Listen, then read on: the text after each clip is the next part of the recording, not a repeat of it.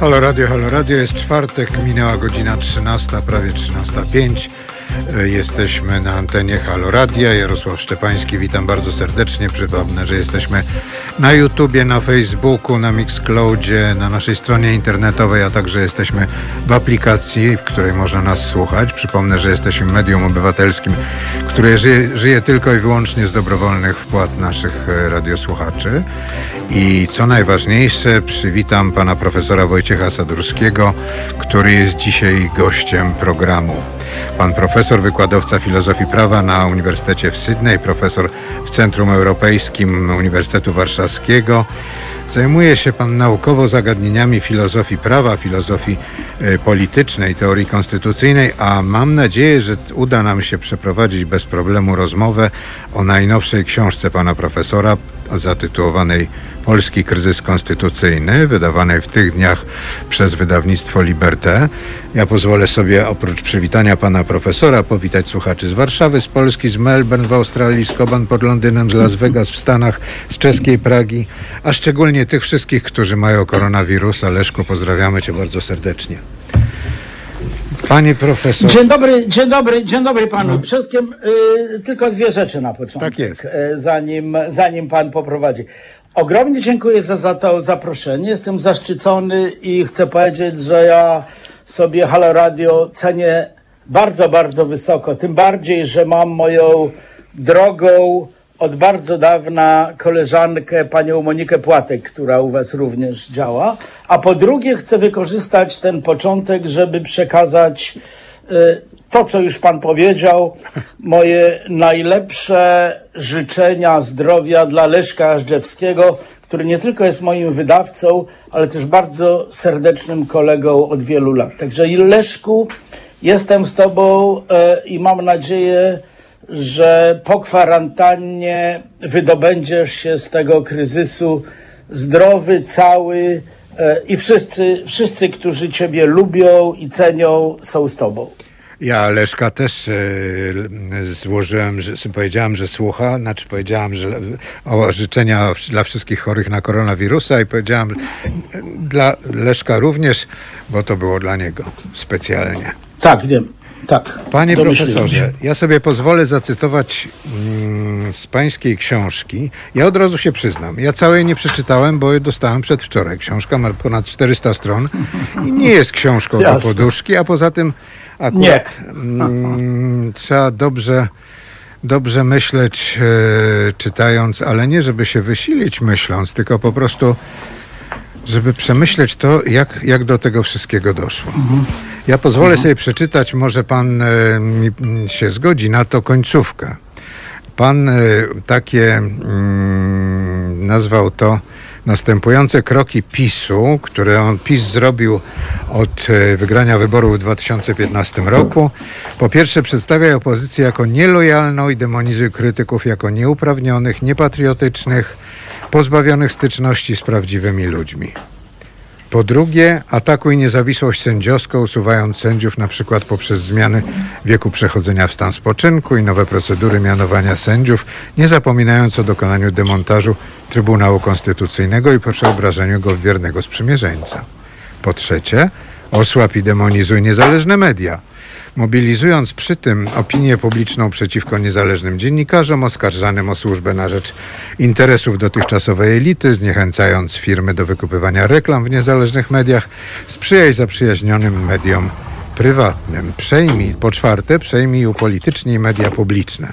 Przeobrażając je w machinę rządowej propagandy, regularnie dostarcza im prawdziwych albo fałszywych materiałów mających kompromitować krytyków rządu. Materiałów tych mogą dostarczać służby specjalne. Po piąte, zastraż niezależne społeczeństwo obywatelskie i hojnie wspieraj organizacje przyjazne rządowi. Po szóste, upolitycznij służbę publiczną, prokuraturę, aparat bezpieczeństwa państwa. Upewnij się, że na ich czele stoją politycy lojalni wobec ciebie lub których masz w garści. Po siódme, jeszcze punktów jest z cztery. Prowadź szczodrą politykę dzielenia łupów i wasalstwa wobec partyjnych czynowników i zwolenników polityki rządu. Nie oszczędzaj na przywilejach dla stronników i sykofantów. Po ósme, przejmij kontrolę nad komisjami wyborczymi. Wprowadź do instytucji organizujących i nadzorujących wybory ludzi wiernych partii lub zależnych od władzy wykonawczej. Po dziewiąte, wyznacz nowe granice wolności zgromadzeń. Nadaj przywileje zgromadzeniom zwolenników rządu i ustaw w niekorzystnej sytuacji przeciw zgromadzenia opozycji. I wolności wypowiedzi. Każ wypowiedzi, które podważają nacjonalistyczną propagandę. I po dziesiąte, graj w kotka i myszkę z ponadnarodowymi organami monitorującymi i krytykującymi działania rządzącej elity w oparciu o kryteria demokracji i praworządności. Przedstawia je jako bezpodstawne i nieuprawnione wtrącanie się w sprawy wewnętrzne, ale niekiedy wprowadź jakieś kosmetyczne zmiany, przedstawiając je jako stosowanie się do rekomendacji tych organów. To pan napisał końcu, na końcu książki i to jest strasznie smutne. Bo to strasznie To prawdziwe. jest smutne, ale tak, ale wie pan, to co pan przeczytał, e, to jest coś w rodzaju takiego dosyć przewrotnego przewodniczka dla współczesnego autokraty.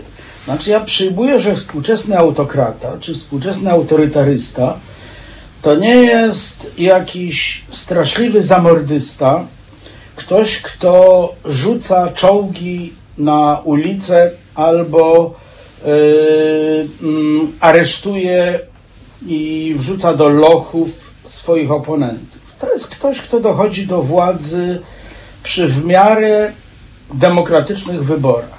I po tych pierwszych demokratycznych wyborach chce robić to, co wszyscy politycy na całym świecie chcą robić, tylko że on to robi w sposób nieuczciwy, a mianowicie przedłużyć swoją władzę jak najdłużej.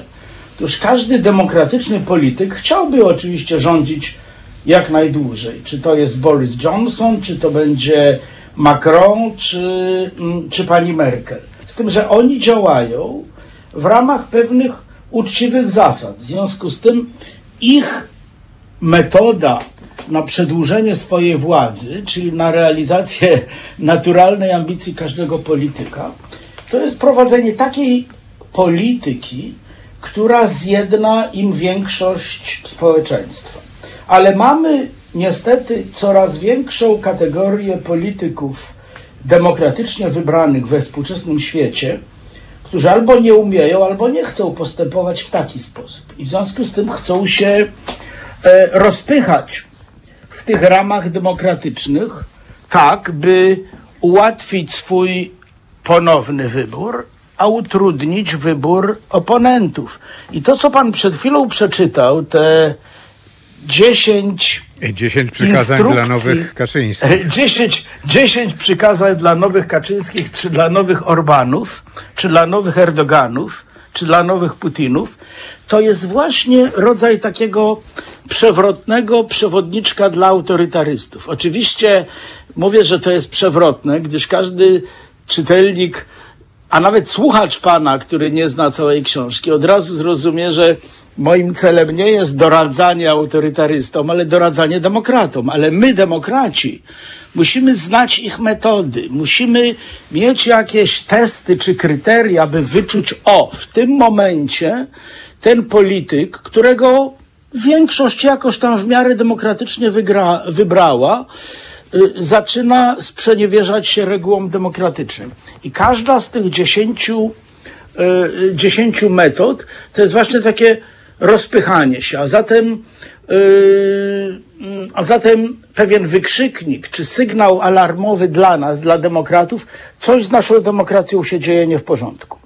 No dobrze, ale mm, jak wytłumaczyć, bo to jest pytanie, które po każdej stronie, którą czytałem, właściwie powinienem sobie był zapisywać, a właściwie to mam je cały czas w głowie, bo ono mnie nurtuje po prostu.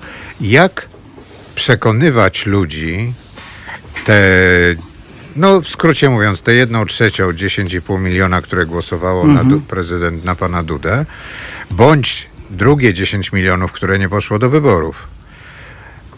Y, przekonywać o tym, że to, co się dzieje, to niby jest demokratyczne, ale nie jest do końca demokratyczne. Ja wiem, że jeżeli ci, którzy oglądają, a to bardzo prosto wychodzi z, yy, z rozmowy, ci, którzy oglądają wiadomości TVP Info, czyli media publiczne, media narodowe, zupełnie żyją w innym świecie, zupełnie są innymi ludźmi. No tak, musimy. Znaczy, nie chcę, nie chcę mówić rzeczy banalnych, ale chyba powiem. Po pierwsze, musimy ich traktować z szacunkiem. To znaczy, e, ja wiem, bo ja jestem sam polemistą i często mnie, e, że tak powiem, mi język się niepotrzebnie zbyt, e, że tak powiem, rozwija, ale e, musimy przyjąć, że ludzie, którzy głosują na niedemokratów, niekoniecznie są niedemokratami że ludzie zazwyczaj mają tendencję do przekładania krótkofalowych korzyści nad analizę długofalową. To znaczy patrzą na to, no dobrze, czy dostanę te 500 plus pomnożone przez liczbę moich dzieci w następnym miesiącu, prawda? Tego typu rzecz. Ja i, i my, którzy wiemy, jak bardzo Zjednoczona Prawica rozwala polską demokrację, nie powinniśmy tego typu motywacji y, lekceważyć, ale powinniśmy mówić ludziom y, otwarcie i szczerze. Przy całym szacunku dla Was myślę, że popełniacie błąd, bo jako obywatele musicie brać pod uwagę długofalowe dobro Rzeczypospolitej i stawiać je ponad swoje krótkofalowe korzyści. Jest to bardzo trudne, no bo każdy z nas woli mieć, że tak powiem, satysfakcję swoich potrzeb jutro niż w ciągu, niż jeszcze większą w ciągu roku. Ale niestety z tym mamy do czynienia w tej chwili w Polsce. Ta władza na dłuższą metę rozwala Polskę pod każdym względem pod względem budżetowym, pod względem demokratycznym, pod względem praworządności i pod względem naszego miejsca w Europie. Ale jednocześnie jakoś tam spełnia takie bardzo krótko, krótkofalowe zapotrzebowania ludzi. I to nie tylko za e, potrzeby natury materialnej, które pewnie są najważniejsze, ale też jakieś takie potrzeby natury tożsamościowej. Mówi y, społeczeństwu rzeczy, które wiele ludzi chce słyszeć. Jacy my jesteśmy wspaniali, jacy my zawsze byliśmy najlepsi, jakimi zawsze byliśmy niewinnymi ofiarami e, e, e, innych narodów i tak dalej, i tak dalej. No to jest... A tych, którym pomagaliśmy, to, jest tak zwana... to oni sprawiali, tak. że nasi ginęli przez to, że pomagali innym. Tak jest. I jeszcze dziś są niewdzięczni, oczywiście. Więc połączenie tych potrzeb materialnych z, potrzebo, z potrzebami, potrzeba, potrzebami, przepraszam, o charakterze tożsamościowym y, jest y, jakby receptą na sukces wszystkich populistów.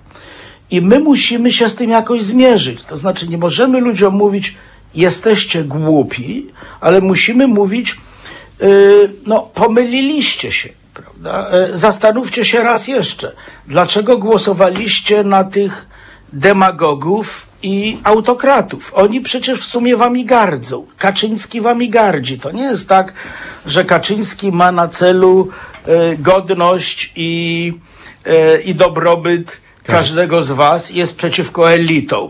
E, Kaczyński jest częścią elity. Kaczyński od roku 1989 był stale częścią warszawskiej elity. Także nie wierzcie mu w te antyelitarne, populistyczne hasło.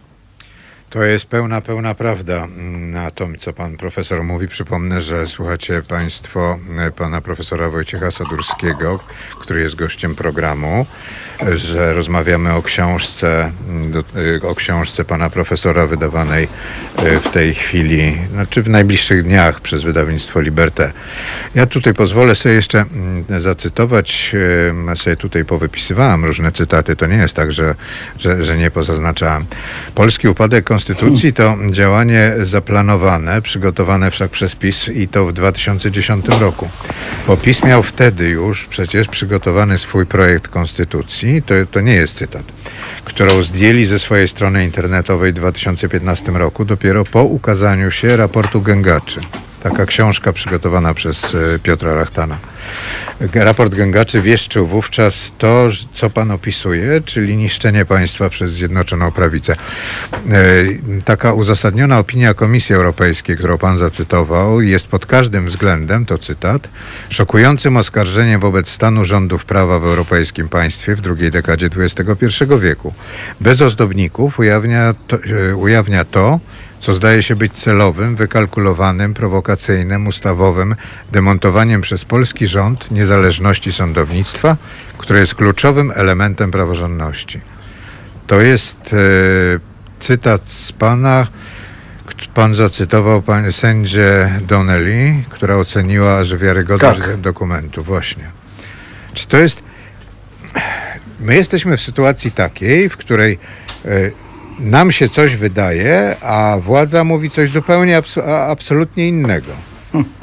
I kazus No tego wiceministra e, sprawiedliwości właśnie dotyczy... Mm, t- A tak, tak, oczywiście. Pan Warchoła chyba. E, Także tak, Michał mm, Warchoł. bardzo. Ba, tak, tak. Przytoczył pan e, coś, od czego zaczynam swoją książkę. Mianowicie e, takim jakby w pewnym sensie retorycznym otwarciem mojej książki jest, jest seria cytatów e, z postanowienia sędzi irlandzkiej, e, która postanowiła nie wydać Polaka, polskiego obywatela, zresztą między nami mówiąc pewnie bardzo niskiego autoramentu, bo, bo słusznie po, chyba podejrzewanego o jakieś tam e, Narkotycz- narkotykowe tak. historie.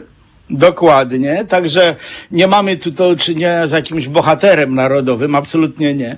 Ale pani Donnelly uznała, e, ja w ramach systemu europejskiego y, mm, nakazu aresztowania nie wydam tego pana polskim władzom, jak normalnie powinna zrobić, y, gdyby nie wchodziły w grę jakieś zastrzeżenia, bo ja nie mam zaufania do polskiego wymiaru sprawiedliwości. No i wie pan, ja zaczynam tę książkę od tego, że właściwie chociaż to brzmi tak troszeczkę prawniczo, to to powinno być takim uderzeniem młotem w głowę. Oto jesteśmy w Unii Europejskiej, jesteśmy państwem demokratycznym przyjętym do Unii w 2004 roku. I oto sędzia w drugim państwie, e, w innym państwie, również w pewnym sensie marginalnym. My jesteśmy na marginesie wschodnim, Irlandia jest na marginesie zachodnim. Żadne z nas nie jest jakby częścią mainstreamu e, europejskiego. I otóż ta pani, która przecież nie można jej podejrzewać o jakieś, nie wiem, uprzedzenia, mówi: Ja nie mam zaufania do polskiego systemu sprawiedliwości. I to jest punktem wyjścia mojej książki. Jak to się stało? Jak mogło do tego dojść? Oczywiście ktoś może powiedzieć, ona się po prostu myli. I to jest właśnie, co mówi wice, Warchoł, pan wiceminister. Warchoł, tak. Ona się... Tak, pan War. Ona się myli, ona, ona nie wie, ona jest jakoś tam oszukana. e, Ogólnikowe, i tak dalej, tak. Rozważenia, projekcje i spekulacje. Tak jest, tak jest, tak. No ale musimy przyjąć przynajmniej jako pewien punkt wyjścia, jako pewne domniemanie, że ta pani no, ma jakieś przynajmniej prawne podstawy. I od tego ja zaczynam te 300 czy 400 stron moich rozważań, by pokazać, jak od końca roku 2015, dzień po dniu, tydzień po tygodniu, miesiąc po miesiącu, yy, Prawo i Sprawiedliwość, a potem Zjednoczona Prawica, rozwalały normalny, demokratyczny, europejski system wymiaru sprawiedliwości, a przy okazji ochronę praw człowieka, przy okazji rozmaite instytucje demokratyczne typu system wyborczy i tak dalej. I jak to, jak, jak to sobie, że tak powiem, wytłumaczyć i zrozumieć, że ta pani mogła dojść do takiego wniosku. I oczywiście ktoś może powiedzieć, no ona się totalnie myliła, ale przynajmniej musimy od tego zacząć. Po czym się okazuje, że ona nie jest jedyna. Tak. Że to samo mówi Komisja Europejska, to samo mówi Europejski Trybunał y, Sprawiedliwości, to samo mówi Europejski Trybunał Praw Człowieka, to samo mówią ludzie w Radzie Europy i nagle wygląda na to, że my jesteśmy jedni jedyni, którzy mówimy, znaczy my, polski rząd. polski rząd. Jest jeden jedyny, który mówi tak, u nas wszystko jest w porządku, u nas wszystko jest ok, nikt nas nie rozumie, wszyscy są przeciwko nam, jesteśmy oblężonej twierdzy. A ci wszyscy ludzie, którzy naprawdę nie mają żadnych powodów do nienawidzenia Polski, z których wielu bardzo lubi, a część nawet kocha Polskę, bo ja tych ludzi znam. Nagle są wszyscy przeświadczeni, że w Polsce dzieje się coś bardzo złego. Panie profesorze, zgodzi się pan, żebyśmy posłuchali pana Dariusza, który chce nam, zdaje się, o elitarności Oczywiście. coś powiedzieć.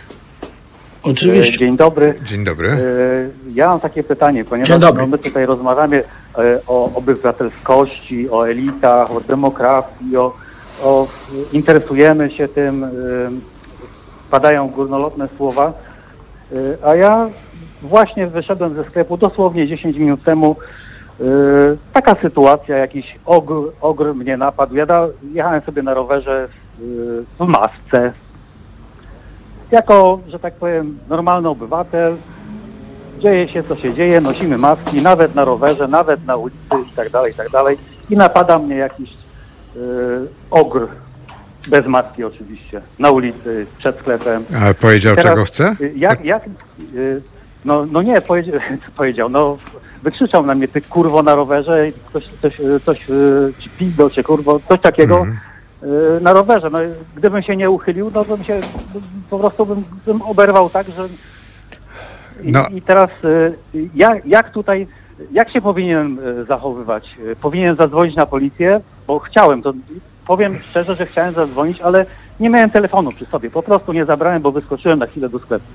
No jakby to było w pobliżu Placu Unii, to by o- było łatwo, bo policji tu dużo, bo pilnują obrońców e, antyaborcjonistów, którzy wygłaszają swoje tezy dzisiaj w okolicy No, no Trybunału tutaj tak, Konstytucyjnego. teraz, no teraz właśnie, y, y, co Kaczyński, co nasz rząd, co nasze w- władze narobiły, że po prostu, że ludzie się tak zachowują, tak nas zanta- zantagonizowali. No, y, ja pracuję w ochronie zdrowia, więc y, no, zdaję sobie sprawę, co się dzieje i to widzę na co dzień. Y, Natomiast y, no, spotykam się, on nie wiedział, że jestem medykiem, ale no, spotykam się przypadkowo, po prostu, że tak powiem, incognito, y, będąc na ulicy, no mało co bym nie stracił zębów. Panie profesorze, panie Dariuszu. Gdzie tu jest ta o, o, obywatelskość? No właśnie. Ja powinienem teraz, czy to się kabluje, y, czy bym był kablem, gdybym zadzwonił na Nie, policję, nie. czy jestem obywatelem, bo bym zadzwonił na Absolutnie policję? nie. Bo gdybym miał Absolutnie telefon, nie. naprawdę bym zadzwonił. Tak. Kablem Tak, by pan dziękuję. był wtedy, gdyby pan, e, przynajmniej taka jest moja wersja życia, gdyby pan e, człowieka, który jest zagrożony śmiercią ze względu na swoje pochodzenie, jakby pan doniósł, e, jak pani Chominowa doniosła na poetkę Ginczankę władzom, że tam się ukrywa Żydówka, to wtedy byłby pan kablem, a to, że jeżeli, jeżeli nie zgadza się pan na to i z tym, że, że, że jakiś, jak pan powiedział ładnie, ogr e, ma, delikatnie mówiąc, pretensje do pana, no to, to, to, to, to już jest zupełnie co innego. Ja pozwolę sobie przeczytać, panie profesorze, jeszcze króciutki fragment. Rządząca elita rozmontowuje, rozmontowuje mechanizmy hamulców i równowagi i używa propagandy do budowania wokół tego społecznego poparcia. Mamy do czynienia z erozją, ponieważ jest to pogorszenie demokratycznych standardów, które, jak widać, nietrwale już udało się w Polsce osiągnąć. Pan profesor Wojciech Sadurski jest autorem tych słów. A chyba akurat są adekwatne, Tak. adekwatne do tego, co pan Dariusz nam powiedział przed chwilą. Tak, tak, więc ja chciałbym, ja chciałbym jednak wrócić e, bezpośrednio do tego, co powiedział pan Dariusz. Otóż mi się wydaje, że ryba psuje się od głowy. To jest e, znane powiedzenie. I to nie jest tak, że arogancja władzy, przekonanie o bezkarności i ta straszliwa korupcja, jaka rozpanoszyła się w Polsce, że to nie ma żadnego przełożenia na zachowanie na ulicy, w okolicach Placu Unii, czy gdzie akurat pan, e, pan Dariusz miał nieszczęście być na swoim rowerze. Po prostu, jeżeli państwo jest od góry przyzwoite, tak jak na przykład państwo, w którym mieszkam obecnie, czyli Australia. I o, wszyscy od góry, od premiera, od gubernatora generalnego, po- poprzez ministrów, prokuratorów i tak dalej, pokazują, że respektują reguły prawa, to i na ulicy, oczywiście wszędzie są jacyś chuligani czy łobuzy, to są pewne patologie, ale jakby nie ma dla tego przyzwolenia. Natomiast jeżeli widzimy, że od samej góry, od samej czołówki, od Jarosława Kaczyńskiego, który sobie może chodzić Po cmentarzu. e, na, na, na, po cmentarzu, prawda, bo jego ból jest większy niż mój i tak dalej. Poprzez premiera, który od rana do wieczora non-stop kłamie. Poprzez jego wicepremierów, którzy wydają dziesiątki milionów złotych na takie skandale, jak, jak, jak te nieszczęsne pseudowybory majowe. Y, y, Ta straszliwa korupcja, jaka zapanowała y, w spółkach Skarbu Państwa i tak dalej, no to ludzie zaczynają, tak mi się wydaje, przyjmować podobne reguły gry. No skoro im wolno, to mnie wolno też. Oni biorą miliony złotych, to ja sobie wezmę 100 złotych bezprawnie, albo trzasnę kogoś w głowę, bo, Bo lubię. Bo, y, bo mi nic nie zrobią, bo lubię. Tak. Także ja myślę, że to co, mm, to, co się przydarzyło panu Dariuszowi, nie jest bez związku z tą potworną niemoralnością, jaka w Polsce zapanowała ze względu na, na władzę Jarosława Kaczyńskiego. Pozwolę sobie przypomnieć, że słuchacie Państwo Halo Radia, że gościem programu jest Pan Profesor Wojciech Sadurski, że y, jesteśmy mm, na Facebooku, na YouTubie, na Mixcloudzie, na, gdzie jeszcze jesteśmy w aplikacji, że jesteśmy medium obywatelskim, y, które żyje tylko i wyłącznie mm, dzięki dobrowolnym wpłatom naszych słuchaczy. Panie Profesorze, możemy zrobić chwilkę przerwy i puścić Metalikę? I wrócić. Ale oczywiście, sam chętnie posłucham. Cieszę się bardzo. Słuchajcie powtórki programu. Halo Radio. Pierwsze radio z wizją.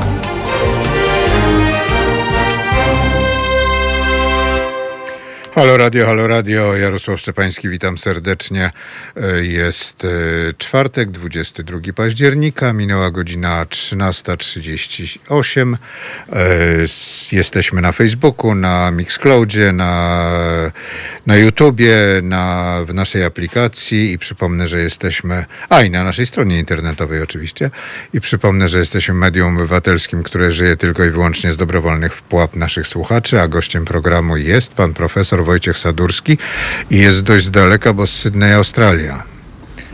Tak jest, witam serdecznie raz jeszcze. Panie profesorze, pozwolę sobie kolejny cytat, cytat y, zacytować. Polska Kaczyńskiego to nie Tur... Taki cytat optymistyczny. Polska Kaczyńskiego to nie Turcja Erdogana. Możemy mniej więcej przewidzieć kierunki tego procesu, ale nie wiemy, jak ma wyglądać pu- punkt końcowy. Cel to, co po francusku nazywa się finalité. Czyli inaczej mówiąc, można mieć nadzieję, że Kaczyński jednak nie odniesie takiego sukcesu e, likwidowania demokracji jak e, Erdogan. Myślę, że tak. Dlatego, y, albo jak na przykład Putin, prawda? Albo, y, Ż- albo Xi w, czy, w Chinach. My tak naprawdę nie bardzo wiemy, i mówię nie tylko o sobie, ale też o innych e, analitykach, o co właściwie Kaczyńskiemu chodzi. Bo jeśli chodzi o Erdogana, no, Kaczyńskiemu e, to, to, no właśnie, no właśnie, no właśnie, dokładnie to, co pan powiedział, bo jeśli chodzi o tych innych rozmaitych e, władców autorytarnych, to można jakoś opisać, wyartykułować ich ideologię. Wiadomo o co chodzi y, Xi, wiadomo o co chodzi Erdoanowi. Każdy z nich ma częściowo religijne, częściowo ideologiczną, jakąś tam wizję społeczeństwa. Tak samo Putin. Natomiast jeśli chodzi o Kaczyńskiego, to gdyby ktoś zapytał, a właściwie jaką Polskę on chce zbudować, to myślę, na to nie ma dobrej odpowiedzi. Jedyna odpowiedź to jest Polska, w której on ma władzę. Czyli Polska Kaczyńskiego. No tak, no ale jaka ona ma być? Czy to ma być, ja nawet nie wiem, czy to ma być na przykład yy, katolickie państwo narodu polskiego w stylu, nie wiem, przedwojennej endecji. Może. Czy to ma być jakieś państwo o charakterze tak zwanej demokracji nieliberalnej, tak jak mówi o sobie Orban?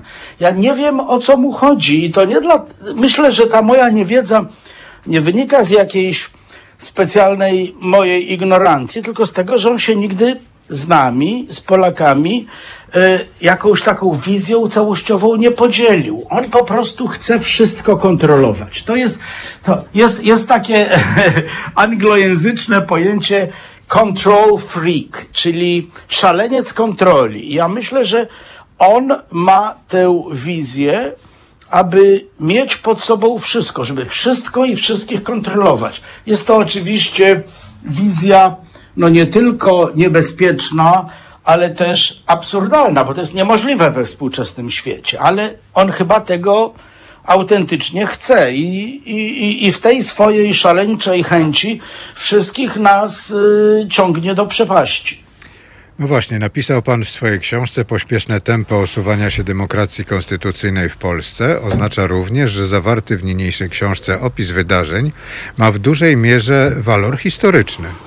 Lokomotywa dziejów, tak. przepraszam za patos, to pana, cytat z pana, pędzi w Polsce wyjątkowo mhm. szybko.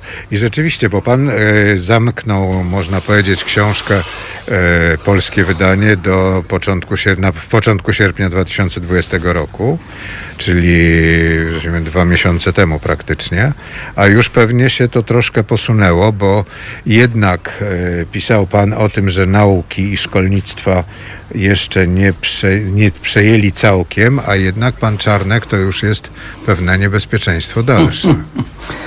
Oczywiście, także wie pan, e, jest straszliwe ryzyko, ale takie ryzyko nazwijmy to naukowe czy, czy publicystyczne, e, wydanie książki o czymś, e, w środku tych wydarzeń, prawda? Jak to, jak to się ładnie po łacinie mówi, in statu nascendi, w trakcie stawania się, bo wiadomo, że następnego dnia wszyscy, część już będzie nieaktualna i będą nowe rzeczy, które, e, które powinno się do, napisać. Ale, ale ja miałem takie poczucie pewnej misji, mówiąc troszeczkę patetycznie. Zarówno gdy pisałem angielską wersję tej książki, która okazała się w połowie 2019, jak i później zaktualizowaną wersję polską, że jednak zarówno świat, jak i, po, jak i polscy mm, czytelnicy powinni mieć pewną y, całościową analizę tego, co się dzieje. Że, że tak naprawdę w pewnym momencie przestały mi wystarczać te blogi, te artykuły w wyborczej, czy nawet te artykuły, nazwijmy to typu naukowego, jakieś working papers, bo wszystkie one dawały taki obrazek częściowy, a to, co się dzieje w Polsce, jakby e, takim głównym kluczem do tego jest to, że poszczególne elementy tego obrazu ze sobą się zazębiają, że poszczególne punkty należy połączyć kreseczkami, żeby zobaczyć całość. I to się nie da, nie da się tego pokazać krótko. To musi być całościowe. I oczywiście w momencie, gdy książka została wydana, to w tym samym momencie ona już jest nieaktualna. Ale mam nadzieję, że jest tylko nieaktualna częściowo, no bo to, co widzimy dzisiaj, nie wiem, z panem Czarnkiem, czy, czy z wydarzeniami, mm, z wydarzeniami z dnia na dzień, to są takie rzeczy na powierzchni, ale moją ambicją było pokazanie pewnej głębszej y, struktury. To znaczy, co się dzieje, gdy władza, która doszła, czy gdy ludzie, którzy doszli do władzy, liderzy, czy partia, która doszła do władzy demokratycznie, degeneruje się i tak przekształca system, by tę demokrację wypaczyć na przyszłość. I w tym sensie, i, i, i,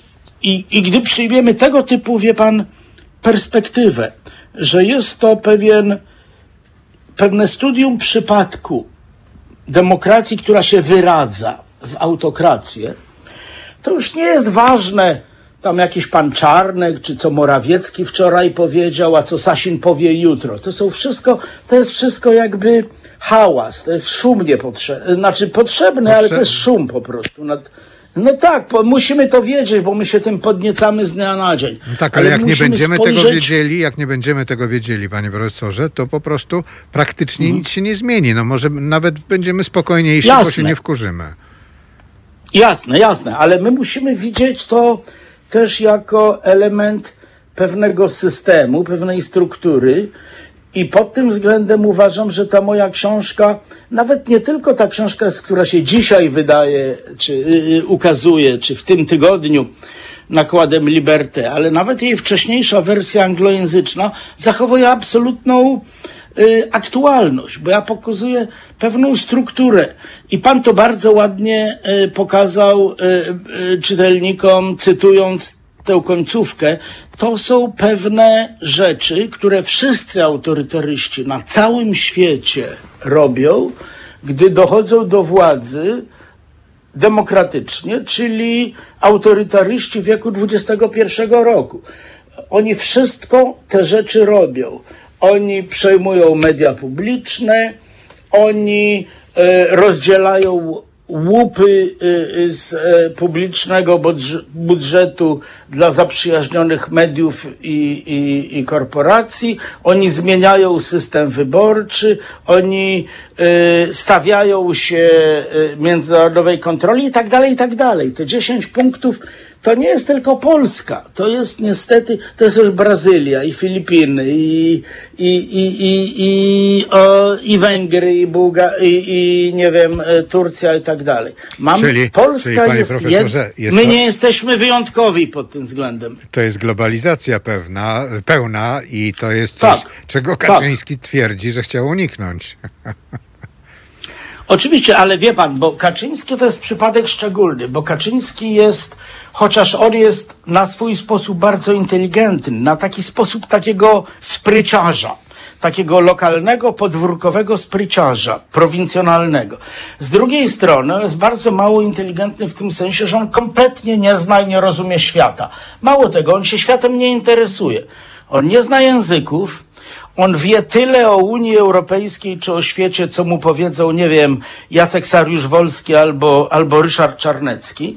On jest po prostu totalnym ignorantem i pod tym względem on jest zupełnie inny niż na, na przykład Viktor Orban albo Putin, którzy mają wspaniałe rozeznanie w świecie i którzy manipulują światem bardzo dobrze. Y, Kaczyński nie ma tego przywileju, bo on po prostu nie ma tej, y, tej wiedzy i tej zdolności. No tak, ale uczył się On prawa... jest, sza- on jest politykiem szalenie prowincjonalnym. To jest jego główna cecha. No tak, uczył się prawa u profesora Erlicha, o którym zresztą pan wspomina na stronie... U którego ja się częściowo też No, uczyłem. do, tak. te, do tego zmierzałem, bo w końcu to jest ten sam, ten sam uniwersytet, ten sam wydział, Tak jest. podejrzewam.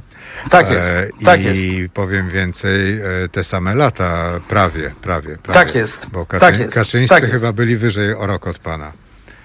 Troszkę starsi ode mnie, ale obu ich znałem. E, Leszka lepiej, Jarka trochę gorzej, ale, ale jesteśmy na ty, znaliśmy się, także nie będę udawał pewnie pod koniec rozmowy, że Jarosław Kaczyński jest dla mnie postacią anonimową, bo to, bo to kiedyś był kolega.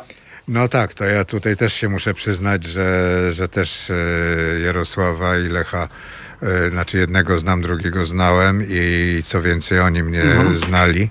E, A Mhm. Tak. jak Jarosław przejmował tygodnik Solidarność we wrześniu e, 1989 roku, no to nie pomagałem mu w tym przejęciu, tylko wręcz wyprowadziłem redakcję e, większości, Tak. która wyszła. Tak. Panie profesorze, pozwolę sobie jeszcze zacytować jeden, jeden cytat z pana książki. Proszę, proszę jest bardzo. dla mnie bardzo, mm, bardzo ważny. Na koniec wstępu pozwolę sobie na osobiste wyznanie. Polska nie jest dla mnie jedynie studium przypadku, przyczynkiem do chłodnych rozważań o kryzysie demokracji i konstytucjonalizmu. Polska jest moją ojczyzną, którą kocham, A inne kraje są hotele, by zacytować mojego ulubionego poetę. Dlatego pisząc o niej, zdarza się mi porzucać beznamiętny styl, pozwalając dojść do głosu emocjom. Nie muszę za to przepraszać, ale chcę o tym uprzedzić czytelników już na samym początku lektury. Niniejsza książka jest wierna faktom, natomiast nie jest neutralna. To jest bardzo ważne zdanie. Wie pan, e, dziękuję, że pan to zacytował. Trudno mi, Komentarz. trudno mi jakby to komentować, bo jest to coś szalenie osobistego i emoc- emocjonalnego. Bo ja z jednej strony, no jestem jakoś tam takim konwencjonalnym pracownikiem naukowym. Piszę o tych rzeczach, o konstytucjonalizmie i tak dalej. I tu się zdarzyło, że piszę nie o kraju takim jak Filipiny czy Stany Zjednoczone, które są ciekawe, ale które mnie ani ziębią, ani grzeją. Bo Filipińczycy i Amery- Amerykanie sobie sami poradzą lepiej bez mojej pomocy. Piszę o kraju, w którym od dawna nie mieszkam, ale który jest moim krajem i który kocham, prawda? Ja jestem Polakiem, jestem polskim patriotą, zależy mi na Polsce, rozumiem Polskę. To jest jedyne moje odniesienie kulturowe. No przepraszam za taki patos, ale tak właśnie jest.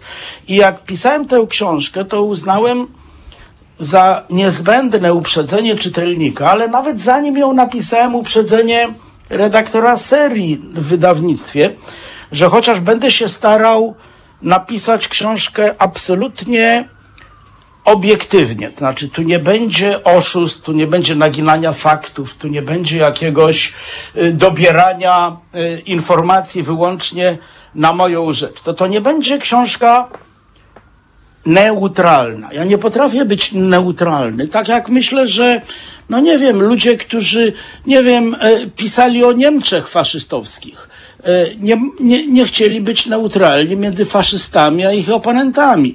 Przy czym chcę bardzo mocno podkreślić, Polska nie jest faszyzmem. Ja, to, to, to jest analogia bardzo ułomna.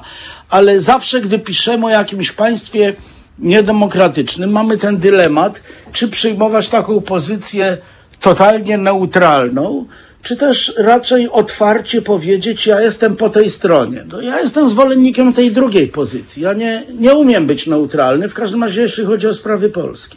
Tutaj zacytuję jednego z naszych e, słuchaczy, który napisał: Dziękuję panu redaktorowi, to mnie, e, za zaproszenie szanownego gościa do Haloradia, bo to mój ulubiony profesor, a to pan. Panie profesorze, m, e, pozwolę sobie Dziękuję. doprosić do naszej e, rozmowy panią aplikant adwokacką, bo nie pozwala mi mówić e, m, o sobie mecenas, a właściwie pewnie woli, żeby tak nie mówić. Panią Elizę Rutynowską, która się przysłuchuje, przysłuchuje naszej rozmowie. I zacytuję jeszcze, witając panią Elizę, zacytuję cytat jeszcze jeden, który pan też zacytował. Czesław Miłosz zwracał się do rządzących. Nie bądź bezpieczny. Poeta pamięta, możesz go zabić, narodzi się nowy. Spisane będą czyny i rozmowy. Sądzę, że tego Kaczyński nie przewidział, że pan może mu ten, tym cytatem, że tak powiem, mm, przywalić. Przepraszam za proste określenie. Pani Elizo, jest pani? Dzień dobry. Pani jeszcze książki nie czytała, bo książki jeszcze nie ma, e, ale sobie pomyślałem, że młody prawnik starszego filozofa prawa bardzo chętnie skontruje na przykład. No niestety, panie redaktorze, nie w tym przypadku. Absolutnie nie będę kontrować pana profesora. E, wręcz przeciwnie. E, niestety mogę jako tylko młoda prawniczka dorzucić ewentualnie z pierwszej linii frontu e, nieco, nieco spostrzeżeń, ale absolutnie niestety kontrować nie zamierzam. No tak. A można coś powiedzieć? A można coś powiedzieć, bo jestem wielkim miłośnikiem pani Elizy. Czy, czytam namiętnie jej, e, jej e, wpisy na Twitterze. Przeczytałem wspaniały raport foru na temat praworządności, e, który pani, pani Eliza współ, napisała razem z panem Tatałą i z panem Wachowcem. Moim zdaniem zapewne najlepsza analiza, przynajmniej w języku angielskim, tego, co się stało e, w e, obszarze praworządności w Polsce. Myślę, że FOR, e, czyli no jakby taki twór, któremu patronował, właśnie, któremu patronował pan profesor Balcerowicz, a mój dobry kolega Leszek, prawda? Tak, i nadal patronuje. E, Jest e, jedną no, z najlepszych e, instytucji takiej edukacji praworządnościowej w Polsce. A, mm, a, pani, ro- a pani Eliza robi fantastyczną robotę. Także szapoba i pełen, pełna wdzięczność dla pani za to, co pani robi. Jest tam Panie pani? profesorze, to zaszczyt. Dziękuję bardzo. To ja w takim razie się powiem, że zwrócę uwagę panu profesorowi, że e, w soboty między, mówię tu o czasie mm, warszawskim, e, między 11 a 13 FOR ma swoją audycję w Halo Radio, którą mam przyjemność również prowadzić, także e, właśnie mm, Świetnie. takie rozmowy i próbujemy tłumaczyć różne rzeczy i związane z prawem, i związane z ekonomią i wychodzą z tego bardzo ciekawe rzeczy, ponieważ e, słuchacze się pytają e, o różne rzeczy, których przepraszam, ale jak później ustalałem z e, naukowcami z foru, że po prostu czasami nie wpadają na ten pomysł, na taki. E, Panie profesorze, em, a nie, jeszcze pani Eliza. Czy pani, czy pani już teraz z, z, z, z tego, co powiedział pan, z powodu tego, co powiedział pan profesor, to, to się nie odezwie? Oczywiście, że się odezwę, tutaj czekam na pytanie. E, natomiast No jeżeli właśnie. nie ma pytania, to pozwolę sobie em, uzupełnić być może troszeczkę to, o czym panowie już wcześniej mówili. Em, ja rzeczywiście e, jeszcze chciałam dorzucić jedną rzecz, którą ja powtarzam, że to, co się dzieje obecnie również w Polsce, ma jeszcze jedną cechę. E, wprowadzania pozakonstytucyjnych stanów nadzwyczajnych. I tym pozakonstytucyjnym stanem nadzwyczajnym, w którym funkcjonujemy, no to jest ten stan epidemii. Ale dlaczego o tym mówię w kontekście w ogóle praworządności? Em, ja dzisiaj przyglądałam się tej najnowszej ustawie, którą, która jest procedowana. E, Według marszałka Terleckiego jest procedowana ślamazarnie. E, Ja bym to skontrowała i stwierdziła, że wreszcie troszeczkę ten ekspres legislacyjny zwolnił. I ja tam znajduję rozwiązania, które takie jak dla przykładu wprowadzanie pełnomocnika e, przez ministra zdrowia, jeżeli minister zdrowia dojdzie do wniosku, że kierownik danego podmiotu leczniczego sobie nie daje rady, będzie wprowadzał pełnomocnika. To są przepisy, które są tak jakby nazwać to parafrazą przepisów funkcjonujących e, w, na przykład w ustawie o stanie klęski żywiołowej. I dlaczego o tym mówię tak szczegółowo? Ponieważ wszyscy nie zdajemy sobie sprawy, że pod pretekstem pandemii od marca jesteśmy tak naprawdę rządzeni bez żadnych granic.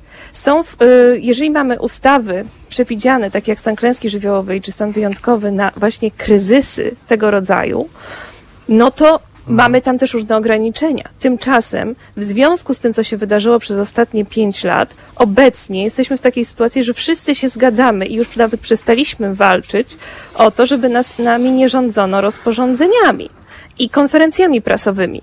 Więc myślę, że to wszystko, co się teraz dzieje, jest właśnie pokłosiem tych pięciu lat ciężkiej pracy pseudoautokratów, którzy stworzyli zupełnie nowy y, jakiś system właśnie y, bazując na system, wygrywając wybory jeszcze demokratyczne, doprowadzili tak naprawdę do rozkładu tej demokracji.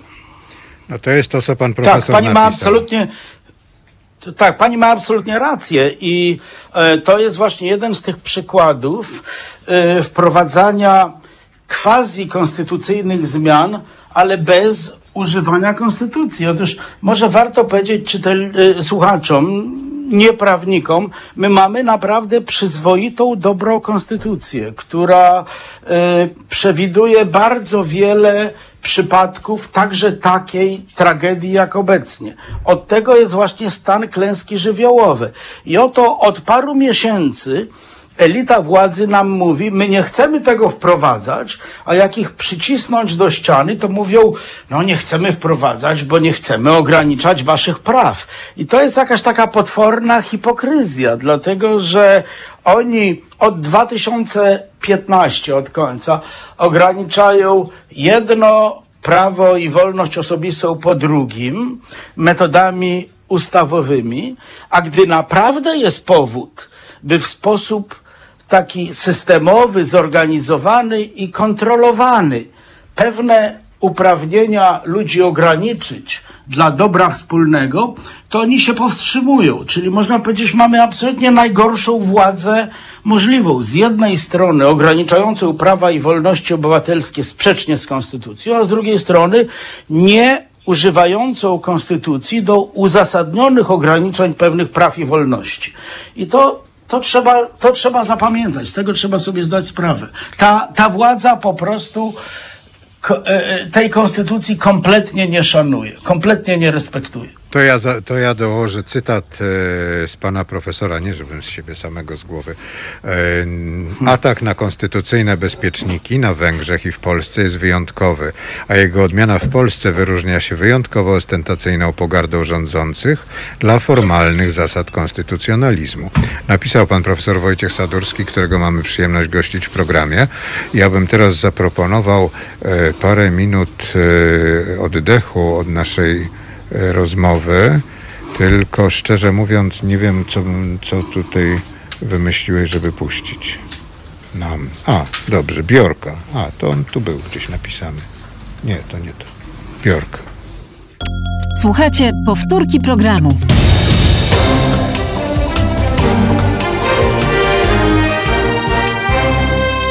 Halo Radio. Halo Radio, Halo Radio, jest czwartek, e, 22 października, minęła 14.10.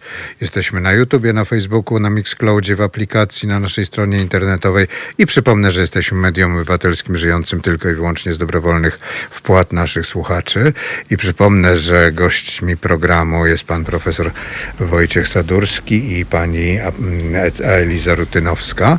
Ja Zaraz pani oddam głos, tylko pozwolę sobie zacytować właściwie to, co panią, pani nurtowało, e, panią nurtowało Hak i Gensburg używają dość makabrycznej metafory żaby gotującej się w powoli podgrzewającej się wodzie. Tak jak ta żaba, obywatele państw, które są w trakcie odsuwania się od demokracji, nie zdają sobie sprawy ze swojego położenia dopóty, dopóki nie przekroczą punktu, od którego nie ma już odwrotu. To z pana profesora cytat. Pani E, Elizo? Tak, niestety ja tą metaforę już e, słyszałam też, no właśnie pięć lat temu, kiedy to wszystko się zaczynało i kiedy myśleliśmy, że kryzys ty- wokół Trybunału Konstytucyjnego em, to będzie najgorsze, co może nam się przytrafić. Em, a tak naprawdę robiło się po prostu tylko goręcej, a y, tutaj przykrywkę do y, tylko i wyłącznie zaciskano mocniej. E, Teraz jesteśmy w momencie takim, że nawet nie możemy już wyskoczyć z tej gotującej się wody e, i jedyne tak naprawdę, co możemy robić, to próbować jakoś pływać w środku w tym wrzątku.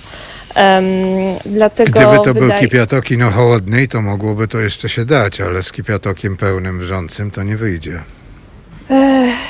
Właśnie. E, powiem szczerze, że ja jestem bardzo też rozczarowana e, postawą opozycji wielokrotnie, która e, podczas głosowań nad e, tymi tarczami, ja to tak jak zresztą pan redaktor to już wie, ja nie lubię mówić o tarczach, ja zwykle mówię o durszlakach prawnych, które są przepychane kolanem zwykle, e, gdzie, które, nad którymi pracowane są, e, gdzie prace prowadzone są po nocach w komisjach em, i opozycja w tym uczestniczy e, rzekomo dla dobra obywateli. No właśnie, tylko jakie to jest dobro obywateli?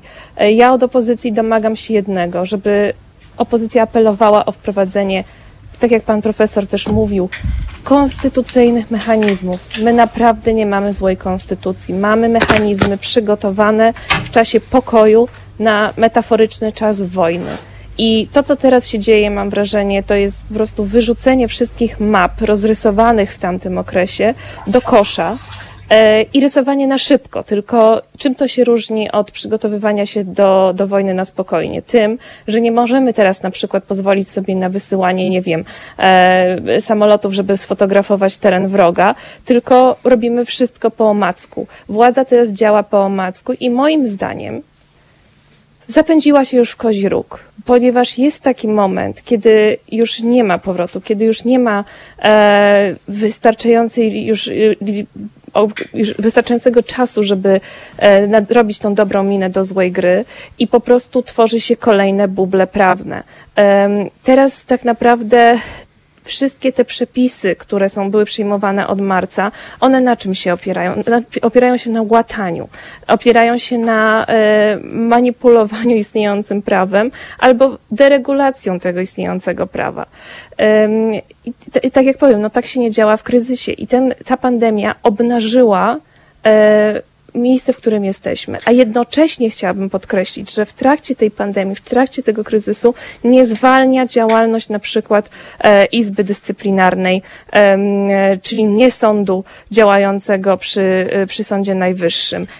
Dalej działa Trybunał Konstytucyjny, który nie jest już dalej Trybunałem Konstytucyjnym, jest marionetką. I na koniec chciałam jeszcze jedną rzecz powiedzieć, że należy pamiętać, że władza niby działa, niby wszystkie ręce na pokład są rzucone, żeby ratować nas przez pandemię, ale jednocześnie premier i marszałek Sejmu mają czas, żeby składać wnioski do Trybunału Konstytucyjnego dotyczące, e, umożliwiające de facto blokowanie odszkodowań dla przedsiębiorców. No, ja już tutaj nawet nie widzę strzępków zaufania obywatela do państwa.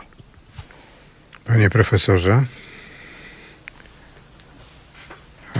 No I jakby taka myśl, myśl najgłębsza w tym jest taka, że zwłaszcza w momentach próby, kiedy władza jest najbardziej testowana, a władza nie jest testowana wtedy, kiedy są dobre czasy i wszystko idzie po staremu i, i, i jest normalny postęp i wzrost i tak dalej.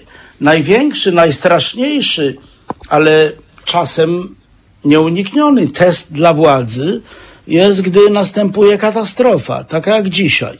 I właśnie w tej katastrofie należy postępować zgodnie z regułami napisanymi właśnie na wypadek takiej ta katastrofy. Znaczy z nadzieją, że może ona nie nastąpi, ale jeżeli nastąpi, należy postępować zgodnie z tymi regułami. Ja pozwolę sobie na mały, małą dygresję. Jest taka, taki artykuł wybitnego amerykańskiego politologa i filozofa prawa i mojego dobrego przyjaciela Stephena Holmesa, który opisuje jak, e, i to jest jego jakby wprowadzenia do tego artykułu, e, jak jego, e, jak obserwował zabieg chirurgiczny swojej córki, która miała jakiś straszliwy wypadek.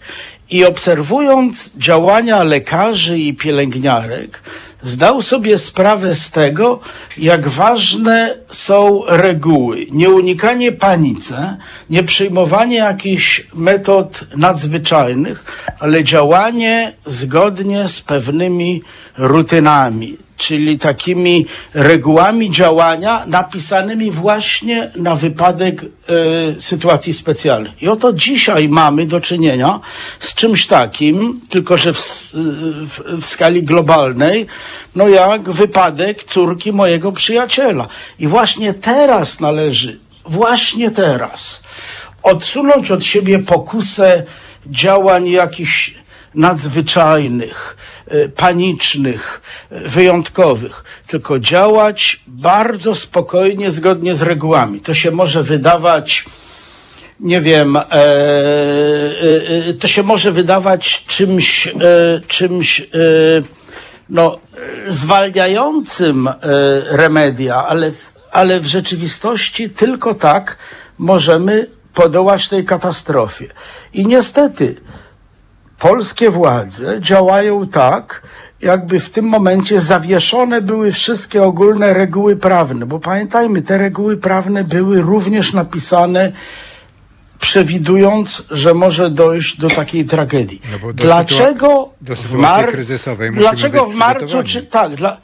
dokładnie, dlaczego w marcu czy w kwietniu czy nawet w maju już nie przyjęto e, uchwały mm, o postanowienia o stanie wyjątkowym, o stanie klęski żywiołowej. No bo kombinowali, kombinowali z wyborami. Myśleli, że jeżeli to przyjmiemy, to nie będziemy mogli mieć wyborów prezydenckich, a im później wybory prezydenckie, tym mniejsze szanse Dudy. Czyli dla takich partyjniackich, bardzo, bardzo pragmatycznych celów poświęcili pewne fundamentalne zasady konstytucyjne, które przecież nie są po prostu zasadami prawnymi, ale mają na celu dobro wspólne, dobro publiczne.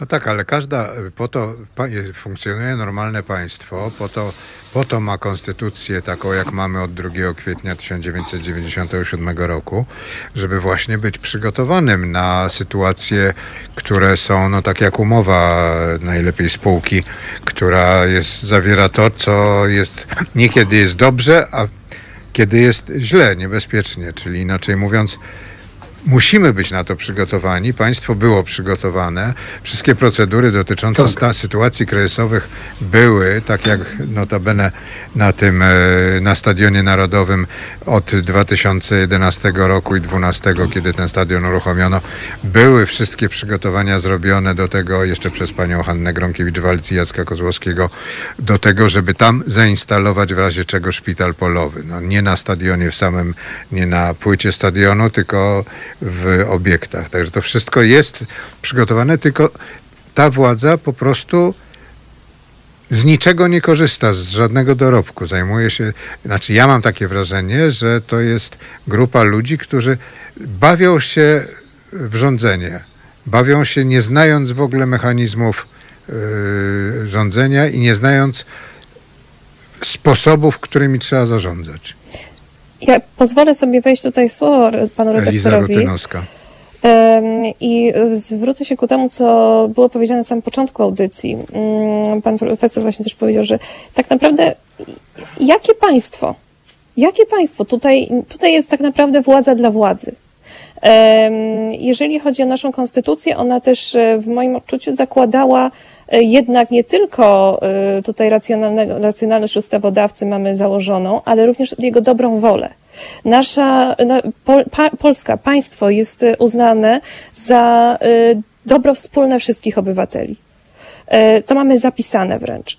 I okazuje się raptem, że to są puste słowa, że nie możemy, że one są stosowane w bardzo y, dziwnych momentach, bo właśnie na przykład na tą zasadę powołują się e, rządzący teraz, tak? Mówiąc na przykład o społecznej odpowiedzialności w noszeniu e, maseczek, ale Dlaczego w związku z tym państwo nie potrafiło przez kilka miesięcy wprowadzić skutecznych regulacji prawnych w tym kontekście? Ja mam wrażenie, że albo tutaj mamy jakąś tajną lożę antykowidowców i antymaseczkowców, no albo ktoś naprawdę nie rozumie, jak się tworzy prawo i po co się tworzy to prawo. Jak bardzo ma być, i jak ważne jest to, żeby ono było skuteczne. E, Od właśnie marca mamy sytuację taką, że obywatele już całkowicie stracili rezon, czy ta epidemia jest, czy tej epidemii nie ma. E, Tak naprawdę dezinformacja pochodziła z rządu, I nie boję się tych słów, ponieważ tak było i wiemy doskonale, o, do, do czego się odnoszę. Również w kontekście wyborów, kiedy były przekonywane całe masy ludzi, że nie ma żadnego e, zagrożenia już. I za to bierze e, odpowiedzialność władza. I, jeszcze chciałam powiedzieć a propos tych maseczek, również w kontekście stanu klęski żywiołowej. Mało kto wie, że tam wręcz jest założony przyspieszony tryb postępowania w przypadkach e, złamania takich nakazów e, nałożonych w związku z, z, ze sytuacją kryzysową. E, Także nawet to zostało przewidziane i nawet tego nie potrafiono wy, wykorzystać. Natomiast tutaj oczywiście tyle głowy musimy pamiętać o tym, że cały czas e, za naruszenia praw e, i wolności obywatelskich w wyniku stanu nadzwyczajnego należą się odszkodowania. I to tego najbardziej obawia się władza. Przez długi czas mówiono, że no ale przecież te odszkodowania by ograniczyły e, tak naprawdę ich skalę. Owszem, ograniczyłyby, ale jednocześnie, mimo że ograniczone, byłyby gwarantowane. A obecnie co władza robi, to właśnie stara się nie wypłacić nic i zagwarantować sobie, e, e, czy, czy skarbowi państwa jako taką, e, można powiedzieć, e, amnest, amnestię dla skarbu państwa, tak bym powiedziała. Natomiast jeszcze ostatnią rzecz, którą chciałam wspomnieć, to kwestia bezkarności władzy. Jaka władza w momencie kryzysu, kiedy najbardziej powinna brać na siebie odpowiedzialność, demokratyczna władza oczywiście, chce wprowadzać dla siebie bezkarność i wprowadziła w niektórych e, przypadkach, bo przypomnijmy, że e, w tych ustawach covidowych znalazły się przepisy dotyczące bezkarności urzędniczej. Ja tylko zacytuję jednego z naszych słuchaczy. Kolejna władza, jak przyjdzie, musi osądzić tych partaczy. A drugi napisał, to chyba próżna nadzieja. A ja pozwolę sobie jeszcze zacytować pana profesora. E, test Marsjanina. Czy inteligentny i dobrze poinformowany Marsjanin, zebrawszy informacje jedynie o formalnych strukturach rządzenia, bez znajomości praktyki, mógłby dostrzec niedemokratyczny charakter reżimu? I to jest pytanie, z którym się zwracam do pana profesora, bo odpowiedział pan na to pytanie prawdopodobnie nie. No oczywiście, dlatego że demokracja to nie jest tylko kwestia wolnych wyborów, formalnie wolnych i dobrze przeprowadzonych wyborów. E, Z czymś takim do pewnego stopnia mieliśmy do czynienia w Polsce. To znaczy, my wszyscy, także krytycy władzy PiSu, jeśli jesteśmy uczciwi wobec siebie, musimy powiedzieć, wybory z tego co wiemy, były przeprowadzone prawidłowo, głosy były przeliczone właściwie, wiemy jakie były mm, aberracje czy patologie w procesie wyborczym, w szczególności jeśli chodzi o propagandę mediów rządowych, ale pomijając to, były to normalne, wolne, demokratyczne wybory i z tego punktu widzenia zarówno większość Zjednoczona, Zjednoczonej Prawicy, jak i Andrzej Duda mają demokratyczny mandat.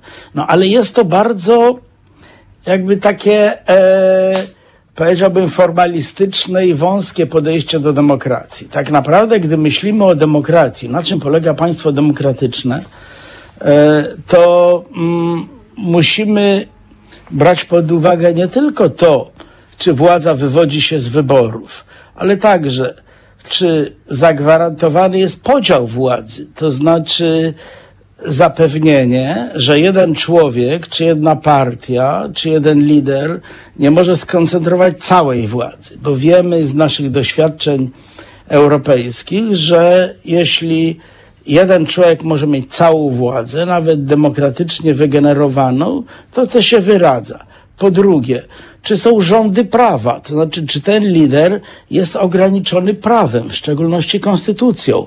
A zatem nie może na każdym kroku zmieniać prawa, gdy jest to mu wygodne. I wreszcie, czy zagwarantowane są rozmaite prawa i wolności obywatelskie, czyli równość prawa do udziału w zgromadzeniach publicznych, w demonstracjach, równ, e, respektowanie praw e, partii politycznych, opozycyjnych i tak dalej. To jest jakby, demokracja jest czymś dosyć złożonym. Oczywiście można mieć jakieś bardzo takie minimalistyczne rozumienia demokracji, ale to jest demokracja minimalna. a My chcemy mieć jednak demokrację głęboko. I teraz jeśli przyjrzeć się Polsce dzisiejszej, no to widzimy, że pod pewnymi względami mamy do czynienia z elementami demokratycznymi, bo obecni rządzący mają swój mandat wywodzący się z w miarę przyzwoitych, uczciwych wyborów, pomijając ten element propagandy państw, e, e, mediów, Mediów i publicznych. zaangażowania. Tak jest, ale z drugiej strony kompletnie nie. I, I do pewnego stopnia mamy do czynienia z respektowaniem pewnych praw i wolności obywatelskich o charakterze politycznym, ale kompletnie nie mamy do czynienia z realnym podziałem władzy, jakkolwiek to zdefiniujemy, prawda, tym trój, trójpodziałem, czy równoważeniem się władz, jak mówi polska konstytucja, e, i z rządami prawa, czyli z tym, że władza jest po- porządkowana konstytucji, której nie może zmieniać, jeśli nie ma e, większości konstytucyjnej. I to jest niestety y, no jakby polski, polska sytuacja obecnie. Mamy do czynienia, tak mówiąc najba, najkrócej, z takim ustrojem hybrydowym. Mamy pewne elementy jeszcze demokracji, ale mamy bardzo dużo autorytaryzmu polegającego na takiej pełnej centralizacji, koncentracji władzy w rękach jednego człowieka. I to nie odpowiadającego prawnie z tego względu, że nie ma odpowiedzialności jako premier, czy jako prezydent, czy no jedynie jako prosty poseł.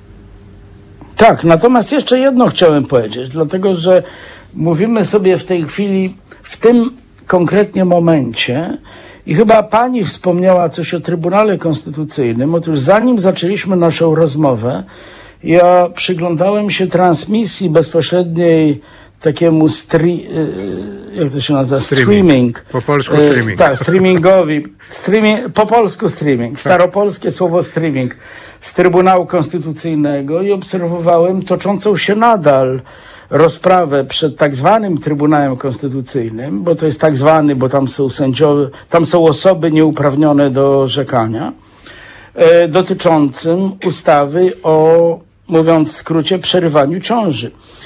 I chciałbym zwrócić uwagę na to, że pod tym płaszczykiem, czy może pod ochroną tej totalnej paniki społecznej, zrozumiałej, związanej z COVID-em, obecna władza, czy przynajmniej niektóre grupy interesu i grupy ideologiczne, chcą bardzo szybko yy, no jakby ugrać swoje pewne sprawy. I Najtrudniejsze. w tym momencie, no właśnie, i w tym momencie, aktua- dokładnie w tych, w tym momencie, gdy mówię, widzę pana posła Wróblewskiego z PiSu, który przekonuje Trybunał Konstytucyjny, że należy tak jeszcze dokręcić kobietom, tak jeszcze zaostrzyć system przerywania ciąży, by to, co on nazywa demagogicznie eugeniczną podstawą, czyli e, uszkodzeniem płodu,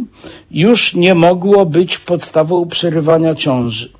I to jest coś okropnego, no bo ten Trybunał Konstytucyjny, czyli organ, który przez tyle lat służył polskiej demokracji jako rodzaj takiego bezpiecznika, nagle staje się pewnym dodatkowym pomocnikiem instytucjonalnym władzy i tym najbardziej fundamentalistycznym, zamordystycznym elementom tej władzy. E, Pan mecenas Michał Wawrykiewicz napisał przed chwilą, wysłał takiego tweeta. To nie jest, e, e, to jest jednak dla prawnika, mimo doświadczeń tych pięciu lat, trudne do zaakceptowania. Mimo, że przywykliśmy do skrajnego bezprawia obozu władzy, ktoś, kto nie jest sędzią Trybunału Konstytucyjnego, zajął nielegalnie czyjeś miejsce. Ubiera się w, bezprawnie w togę sędziego z żabotem, nazywa się sprawozdawcą. To jest komentarz Michała Wawrykiewicza właśnie do tego, o czym pan profesor mówi, czyli tego posiedzenia Trybunału. Panie profesorze yy, i panie Elizo, demokracja nieliberalna, takie pojęcie pan wprowadził do książki. Ono jest, ona mi przypomina jedno określenie mm, z 1981 roku. E, Nie wiem, czy pan je pamięta, bo pani to nie może. E, Jacka Fedorowicza, e, który uznał słowo, przymiotnik socjalistyczny jako przymiotnik niwelujący. Demokracja socjalistyczna, Tak. e, wybo- różne rzeczy, które były z, z czymś właśnie z przymiotnikiem socjalistyczny, to było Tak, tak jak krzesło, krzesło elektryczne. Dokładnie, krzesło elektryczne, dokładnie tak. mniej więcej ta formuła. Czy ta demokracja nieliberalna to jest mniej więcej zbliżone? Porównanie? Pani najpierw czy ja? Kto mówi pierwszy? Pani, bo pani chciała nas opuścić zaraz. Dobrze. Tak, niestety będę musiała wcześniej opuścić. No ja bym powiedziała, że pierwszą rzeczą, którą mi się kojarzy, jeżeli słyszę demokracja nieliberalna, e, to jest e, inne sformułowanie, które też zasłyszałam gdzieś, e, wspomnienie o demokracji. I dla mojego pokolenia z kolei może powiem z perspektywy młodych prawników, niedawno powstał taki cykl filmów opartych na książce, e, które się nazywają Igrzyska Śmierci. E, I te Igrzyska Śmierci to jest taki postapokaliptyczna wizja przyszłości, E, ale kiedy je oglądałam, to miałam wrażenie, teraz mam takie wrażenie, że trochę możemy do, odnieść naszą sytuację obecną do tego, co w tych Igrzyskach Śmierci e, się działo.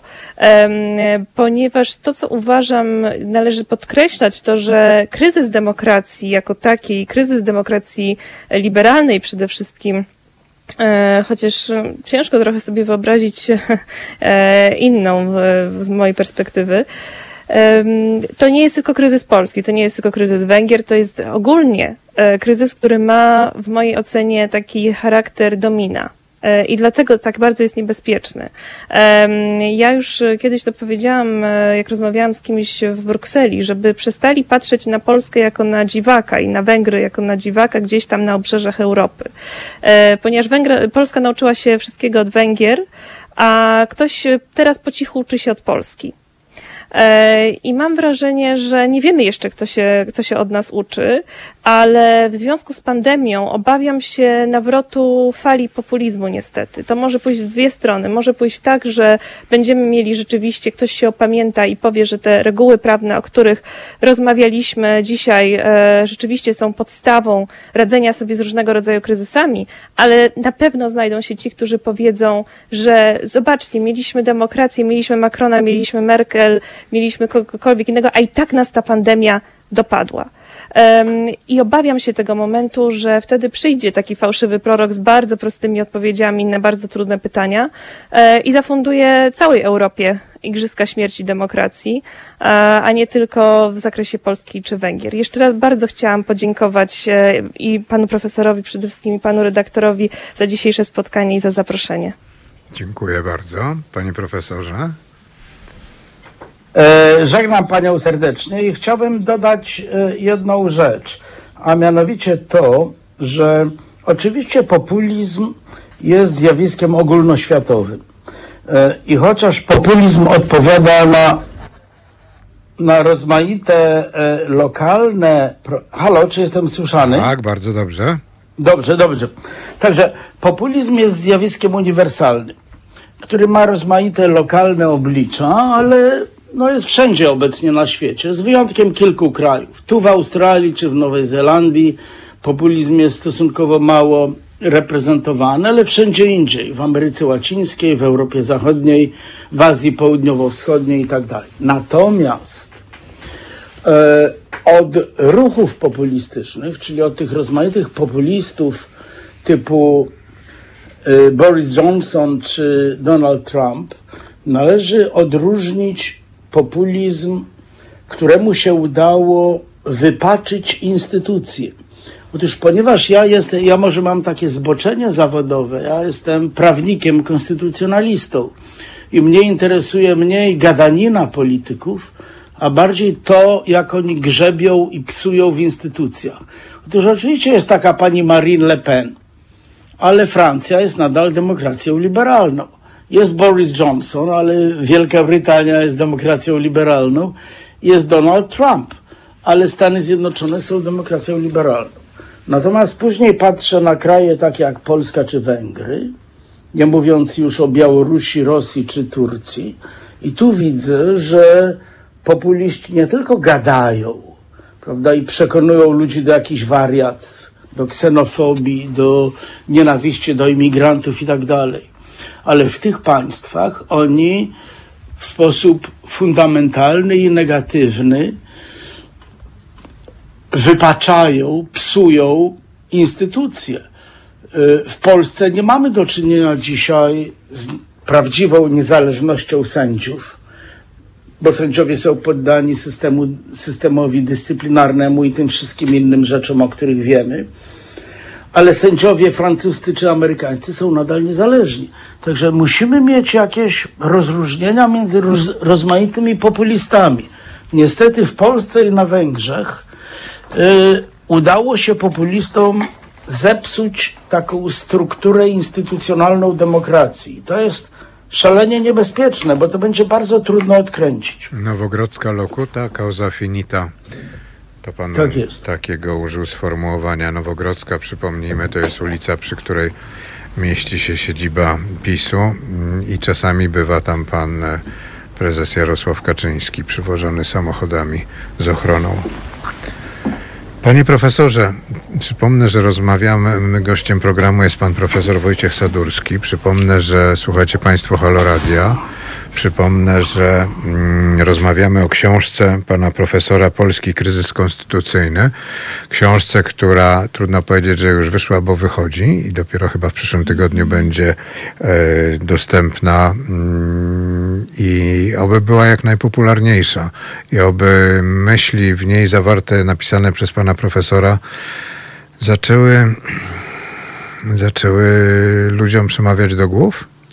Ja się spotkałem z takim podpiszem, właściwie w piszu samym, Mazury.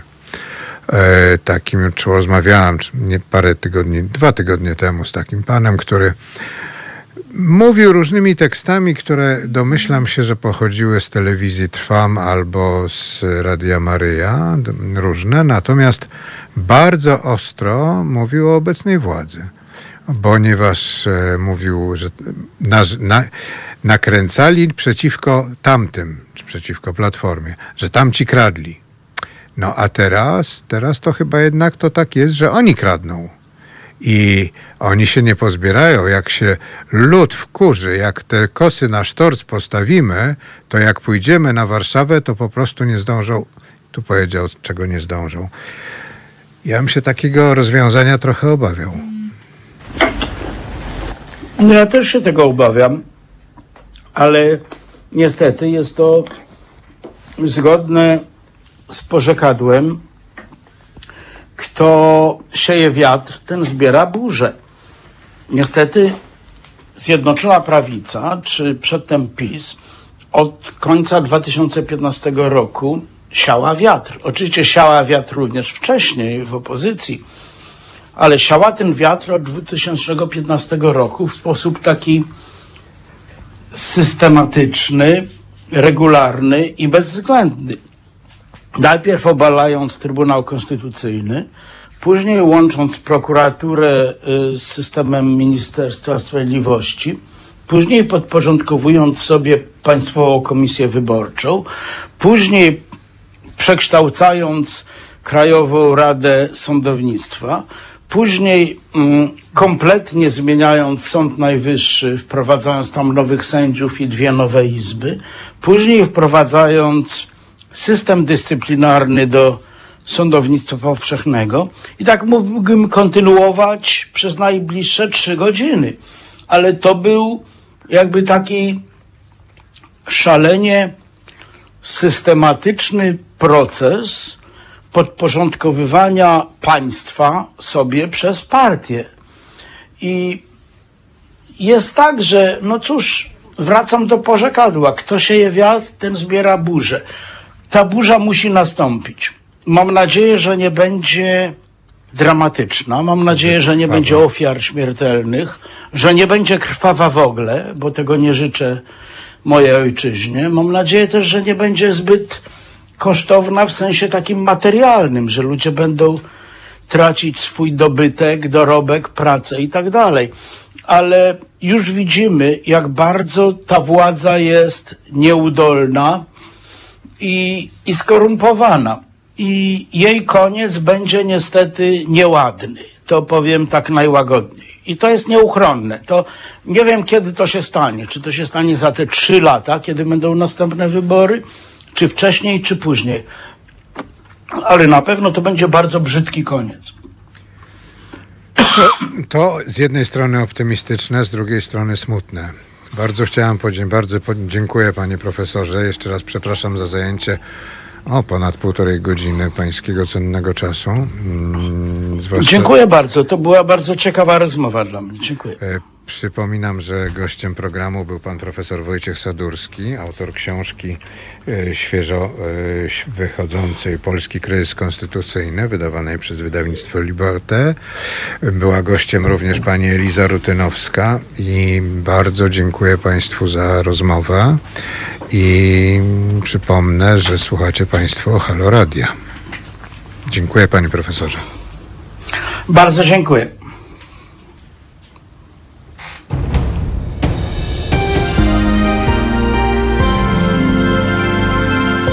Od poniedziałku do piątku. Właściwie codziennie, bo oprócz weekendów. Od 15 do 17 Halo Aktualności, czyli popołudniówka Halo Radia, na którą zaprasza Mariusz Rokos. Tematy ważne i poważne oraz te nieco mniej poważne. Od 15 do 17. www.halo.radio. Słuchaj na żywo, a potem z podcastów.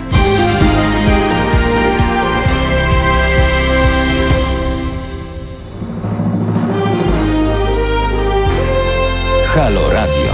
Cześć, tu Sylwia Hutnik, jestem pisarką i wspieram Halo Radio, które jest jedynym radiem e, obywatelskim, czyli takim, które nie tylko tworzone jest oddolnie, ale przede wszystkim utrzymywane przez nas słuchaczy i słuchaczki. Zachęcam Was do tego, żeby wspierać się finansowo i żeby słuchać tak jak ja. www.halo.radio ukośnik SOS.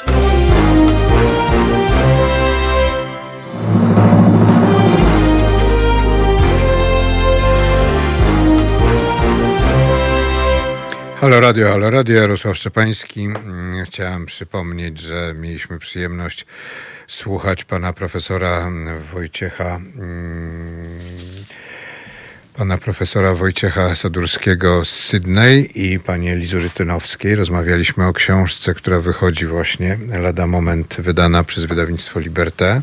Chciałem dziękować, podziękować naszym słuchaczom za, powiedziałbym, bardzo miłe słowa, które tutaj piszecie Państwo na czacie. E, I przypominam o tym, że w sobotę będę mógł, miał przyjemność prowadzić następną audycję, z tym razem znowu z Forem, czyli z Forum Obywatelskiego Rozwoju i pewnie porozmawiamy o gospodarce i ekonomii w czasach kryzysu. Jarosław Szczepański, dziękuję bardzo, do usłyszenia.